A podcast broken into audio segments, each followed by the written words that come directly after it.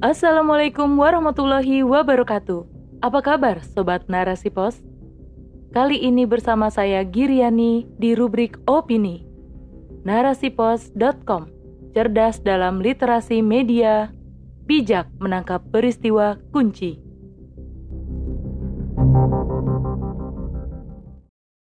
Kerusakan makin parah saat kemaksiatan merajalela oleh Azimah Ummu Zaidan Kemaksiatan adalah bentuk pelanggaran yang dilakukan manusia dalam menjalankan aturan kehidupan. Kemaksiatan yang dilakukan manusia tentunya akan berdampak negatif di tengah-tengah masyarakat. Pasalnya, kerap keamanan masyarakat berkorelasi dengan merajalelanya kemaksiatan. Dilansir dari media kompas.com, Hollywings sedang menjadi sorotan karena mengeluarkan promo minuman beralkohol gratis yang menuai kecaman publik.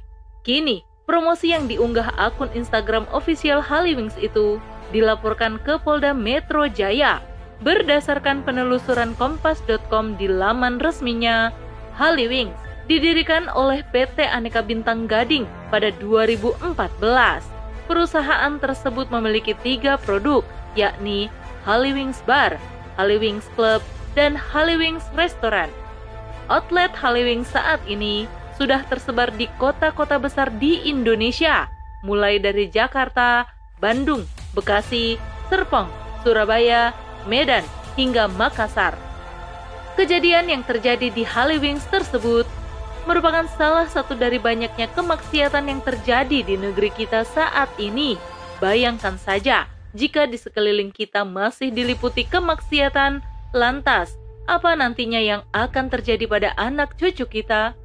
Apakah rela jika anak cucu kita menjadi penerus tongkat estafet pelaku kemaksiatan? Tentu tidak.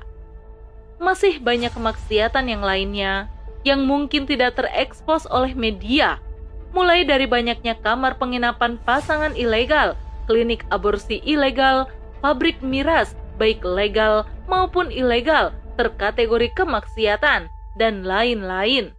Parahnya lagi, jika ada yang menganggap itu semua bukan kemaksiatan dan pembelaan sebagai upaya untuk mencari uang karena mendesak daripada mencuri. Nauzubillah min zalik. Budaya kebebasan sudah mengakar dalam jiwa umat saat ini. Katakan saja budaya kebebasan berpendapat dan berperilaku.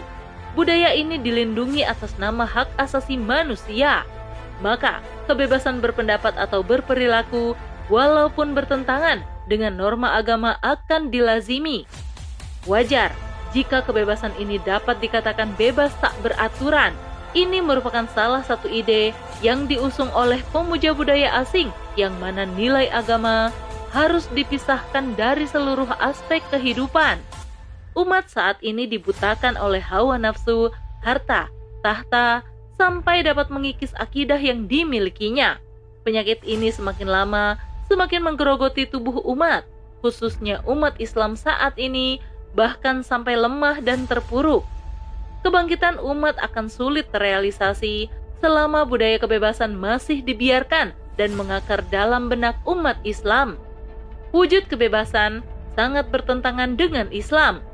Dalam pandangan Islam, bebas berpendapat maupun berperilaku itu boleh, asalkan harus tetap dalam koridor aturan Islam. Karena koridor inilah yang berkorelasi dengan asas akidah umat Islam sebagai fondasi kehidupan agar tetap kokoh dan bangkit. Selain itu, tetap berpegang kepada akidah Islam adalah kewajiban bagi umat Islam. Dari Anas bin Malik radhiyallahu anhu, Rasulullah shallallahu alaihi wasallam bersabda, akan datang kepada manusia suatu zaman, orang yang berpegang teguh pada agamanya seperti orang yang menggenggam bara api. Hadis riwayat Tirmizi, Al-Hafiz Abu Tohir mengatakan bahwa hadis ini hasan. Sungguh luar biasa keberadaan akidah Islam ini. Selain sebagai landasan berpikir, juga sebagai kepemimpinan berpikir umat.